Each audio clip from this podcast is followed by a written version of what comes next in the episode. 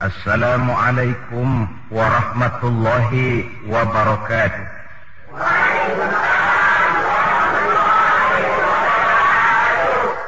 بسم الله الرحمن الرحيم. الحمد لله رب العالمين والصلاة والسلام على أشرف الأنبياء والمرسلين سيدنا ومولانا محمد وعلى آله وأصحابه المجاهدين الطاهرين أما بعد Saudara-saudara kaum muslimin rahimakumullah. Ada seorang anak muda bernama Malik bin Dinar. Barangkali kalau bahasa sekarang Malik bin Dinar ini masuk golongan jet set. Sesuai dengan namanya, Malik itu raja, Dinar itu uang. Malik bin Dinar kalau terjemahan kasar, raja bin uang. Dia memang kelompok head. Kerjanya pesta. Satu malam, tengah dia mengadakan pesta di rumahnya. Ya tentu dilengkapi dengan minuman keras. Zaman itu. Datanglah ke rumahnya seorang tua rentak dengan pakaian compang-camping. Sampai di pintu gerbang masuk, wah sudah dicegat oleh tukang kepruk. Ada apa pak? Enggak mau tanya saja kata orang tua tadi. Yang punya rumah ini siapa? Oh, majikan saya, bos saya. Oh, Malik bin Dinar. Malik bin Dinar? Iya. Bosmu si Malik bin Dinar itu hamba apa orang merdeka? Oh, dia orang merdeka. Dia bukan hamba. Betul, kata orang tua tadi. Sampaikan salam saya kepada bosmu Malik bin Dinar. Dia memang bukan hamba, dia orang merdeka. Kalau dia hamba tidak cuma begini kerjanya. Kalau dia hamba tidak cuma untuk pesta, dia hidup. Seorang hamba adalah seorang yang juga sujud kepada penciptanya. Seorang hamba juga seorang yang sadar dari mana dia datang, di mana dia sekarang, dan ke mana dia akan datang nanti. Hambamu ini memang orang merdeka, dilarang dia tidak terlarang, dicegah dia tidak tercegah. Dia perturutkan kemauan nafsunya dalam hidup. Oh, dia memang benar-benar orang merdeka. Kasih tahu dia. Saudara, orang tua compang camping ini pun lalu pergi, tidak ketahuan lagi ke mana arahnya dia pergi. Disampaikanlah ucapan ini oleh si penjaga tadi kepada Malik bin Dinar. Terperangah dia mendengar. Ini ucapan orang tua sederhana tapi kok nyangkut di hati. Kalau kau hamba bukan begini kerjamu, kau orang merdeka. Merdeka dari aturan Allah, merdeka dari agama, kau mengatur hidupmu menurut seleramu. Kau memang orang merdeka. Dia renungi ucapan orang tua tadi. Malam dia tidur mimpi. Mimpinya nggak kepalang tanggung lagi. Mimpi kiamat datang. Lalu dia naik pengadilan di padang mahsyar. Setelah diadili jatuh vonis karena memang dosanya banyak, dia mesti masuk neraka. Sudah dipegang oleh malaikat Malik mau dilemparkan ke neraka, hampir dilempar, dia bangun dari tidurnya. Astagfirullah gitu. Untung cuma mimpi. Kalau benar-benar bagaimana? Dia periksa seluruh tubuhnya, anggota badannya. Apa yang dia lihat? Kulit badannya terkelupas. Gemetar dia. Cuma mimpi mau dilempar ke neraka, kulit badan terkupas karena panas. Bagaimana kalau neraka betulan?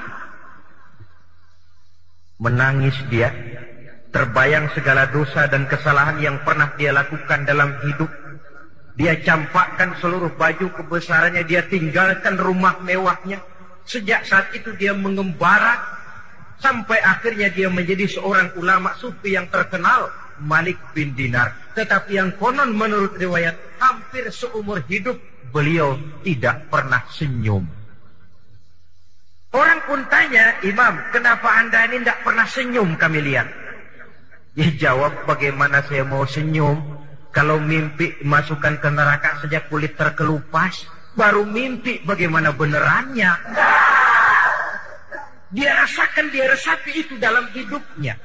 Sehingga manakala dia membaca ayat-ayat Allah, manakala dia menyebut Allah, gemetar hatinya. Tidak jarang dalam sholat sunnah dia jatuh pingsan. Begitu dia menghayati kalimat Allah dalam hidupnya. Ini contoh dari perjalanan hidup Malik bin Dinar. Jadi esensi dari ciri yang pertama ini tidak lain merasakan kehadiran Allah dekat dalam hidup. Saudara-saudara kaum muslimin yang berbahagia. Kalau ini sudah tertanam dalam jiwa kita, efek positifnya yang akan timbul adalah etika otonom. Bahwa kalau saya sendiri, yang kedua itu Allah. Kalau saya berdua, yang ketiga itu Allah. Tidak ada sejengkal tanah pun tempat untuk berbuat yang tidak baik. Karena nama Allah sudah sanggup menggetarkan jiwanya. Seorang teman berkata, kalau engkau hatimu keras dan sulit untuk bersyukur, sering-seringlah main ke kuburan atau ke rumah sakit katanya. Kau diri saja di depan itu emergency itu, emergency room, ruang darurat gawat, yang tiap menit datang orang keluar dari ambulan, yang kakinya terpisah, yang tangannya putus, yang kepalanya pecah, kalau sudah melihat begitu nggak mau syukur juga, memang batu tuan. Atau sering-seringlah main ke kuburan, hayati yang kau lihat, engkau dua tahun yang lalu masih ada bersama saya, engkau masih ngobrol sama saya, sekarang tinggal tulang belulang di sini. Ke mana wujudmu? Engkau sekarang, saya, saya akan menyusul. Dari situ tertanam kesadaran sehingga seorang sufi, Sufyan Sauri namanya, dia pernah membuat lubang kubur di sebelah kamar tidurnya, lengkap dengan liang lahatnya. Kalau dia malas ibadah, dia turun ke kub, lubang kubur yang dia buat itu. Dia berbaring di situ. Seperti orang mau dikubur saja. Dia nasihati dirinya. Nah, lo nanti begini. Sekarang baru coba-coba masih bisa bangun masih bisa sholat, ayo bangun sholat. Kalau benar-benar sudah begini ditutup dengan dinding ari, tidak ada lagi kesempatanmu berbuat baik. Dia nasihati dirinya sendiri. Sebab maaflah saudara, memang paling sulit sih menasihati diri sendiri. Paling sulit. Orang lain yang saya lakukan macam ini, saudara bisa mendengar. Tapi nasihat yang paling mantap sesungguhnya, kalau nasihat itu datang dari jiwa kita sendiri dan dalam hidup ini kan nasihat tidak cuma yang terucap orang, yang kita lihat di jadi nasihat. Pertumbuhan biologis kita jadi nasihat. Kau lihat ubanmu sudah bertabur, kau lihat kulitmu mulai mengendur, kau tahu kau cuma sanggup makan bubur, kau tahu matamu sudah kabur, kau sadar sudah dekat ke lubang kubur. Atau nasihat yang timbul dari dalam jiwa, dari dalam hati-hati ini membisik, Hidup tidak pernah berjalan ke belakang, Bu. Mundur hancur, berhenti diinjak orang. Tidak ada kata berhenti dalam hidup ini. Sekali maju, melangkahlah terus. Saudara hadirin yang saya hormati. Kita kembali kepada masalah pokok kita. Bertawakal menyerahkan hasil usaha kepada Allah. Ingat ya, hasil usaha, bukan usahanya. Kalau usahanya kita yang kerjakan, hasilnya serahkanlah kepada Allah. Nah, tawakal ini akan lebih mantap kalau diiringi dengan perbuatan yang mendekatkan kita kepada tempat yang kita jadikan bertawakal. Oleh sebab itu, ciri yang keempat ini menyambung, menguatkan yang ketiga tadi. Apa ciri yang keempat? Alladzina yuqimuna sholat. Orang-orang mukmin itu ialah mereka yang mendirikan sholat. Tawakal kepada Allah tidak cuma dalam bentuk ucapan. Udah, serahin aja deh sama Tuhan, ntar juga beres. Iya, tapi kalau nggak sholat, penyerahan itu kok rasanya istilah Jawa kurang marem gitu. Nggak marem, nggak mantap. Penyerahan yang tanpa diiringi dengan pendekatan kepadanya kan konyol. Udah, serahin gubernur aja dah. Gubernurnya nggak kenal sama kita. Bagaimana mau diserahkan persoalan itu kepada beliau kalau beliau kenal saja kepada kita? Tidak. Serahkan persoalan ini kepada Allah. Iya, kau kenal tidak Allah? Kau sering berkunjung kepadanya atau tidak? Penyerahan persoalan kepadanya akan lebih mantap kalau kita memang dekat dengannya. Sarana komunikasi yang paling efektif buat mendekati Allah terletak pada ciri yang keempat ini. Alladzina yuqimuna sholat. Mereka mendirikan sholat. Saudara-saudara, jadi proses kita bertawakal ini diimbangi dengan pendekatan yang real kepadanya melalui jalur yang disebut sholat. Di sana penyerahan ini menemukan bentuk yang paling pasrah. Kalau tidak kita sih bisa saja berkata, saudara-saudara jangan takut Allah bersama kita. Tapi kalau tidak sholat itu cuma mulut. Hatinya mungkin perang. Apa iya Tuhan bersama gue? Gue sembahyang aja kagak. Hatinya kan perang. Antara mulut dengan batin ini tidak tidak seimbang. Tidak sama karena kata dan perbuatan lain. Seperti di zaman sekarang kan ada orang agnostik. Agnotisisme. Yaitu orang yang menghargai agama, menaruh agama di tempat yang luhur, tapi tidak mau mengikatkan diri terhadap suatu agama secara formal. Dia mengakui esensi agama, dia hargai agama, tapi dia tidak mau terikat dengan suatu agama secara formal. Mau dibilang Islam gak pernah ke masjid. Mau dibilang Kristen kapan ke gerejanya. Hindu tidak, Buddha pun bukan. Tapi kalau bicara agama, mulu bukan main. Agnostisisme. Manusia agnostik. Manusia yang menghargai agama. Menaruh agama di tempat yang tinggi. Dia salut dengan agama. Tapi secara formal dia tidak mau mengikatkan diri dengan suatu agama Kan menggejala ini di masyarakat kita sekarang ini. Manusia-manusia agnostik macam itu. Paling-paling akhirnya dia akan bilang, oh semua agama benar, semua agama bagus. Lalu Bapak yang mana Pak? Ah, itu pribadi saya. pribadi saya, agnostik. Tidak mau secara terbuka mengikatkan diri dengan suatu agama. Cukup buat dia menghargai agama. Nah, coba kalau penyakit ini berkembang, yang akan jadi korban anak cucu kita, generasi yang akan datang, lebih gampang lagi sikap beragamanya. Itulah sebabnya sering saya ungkapkan, kita tidak hanya perlu orang yang berilmu agama, tapi juga kita perlu orang yang berjiwa agama. Kalau berilmu agama, dia menganalisa agama dari berbagai segi. Tanpa jiwa agama, dia sulit untuk hidup menurut ajaran agama. Saudara hadirin yang saya hormati, oleh karena itu sholat sekali lagi merupakan sandaran vertikal dalam kerangka memperkuat sifat tawakal kita kepada Allah. Kita bisa saja berkata, ah ini karena sudah pakai bibit unggul lalu pupuk urianya bagus kita berharap panen besar tahun depan. Boleh. Harus begitu optimisme dalam hidup memang perlu. Tapi kalau tidak ada tawakalnya tidak ada upaya pendekatan kepada Allah dia merasa semuanya memang sudah diperhitungkan secara matang. Medan sudah dikuasai situasi dan kondisi sudah menunjang apa yang terjadi? Lacur, wereng, ngamuk. Yang diharapkan panen besar gagal total berantakan. Kalau orang punya tawakal, dia akan mawas diri. Hmm. Inilah manusia. Dia cuma berupaya Allah menentukan ada hikmahnya buat kita. Mungkin selama ini kita melupakan dia. Mungkin kita jauh dari dia. Mungkin ini teguran buat kita. Tapi kalau dia tidak punya sifat tawakal ini, pertama frustasi, yang kedua dan ini yang paling jelek tapi ini memang penyakit umum, mencari kambing hitam.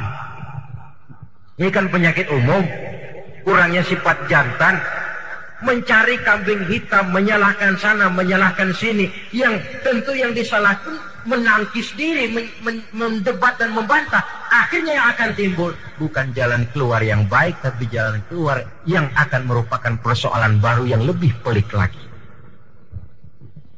Sholat untuk bertawakal kepada Allah.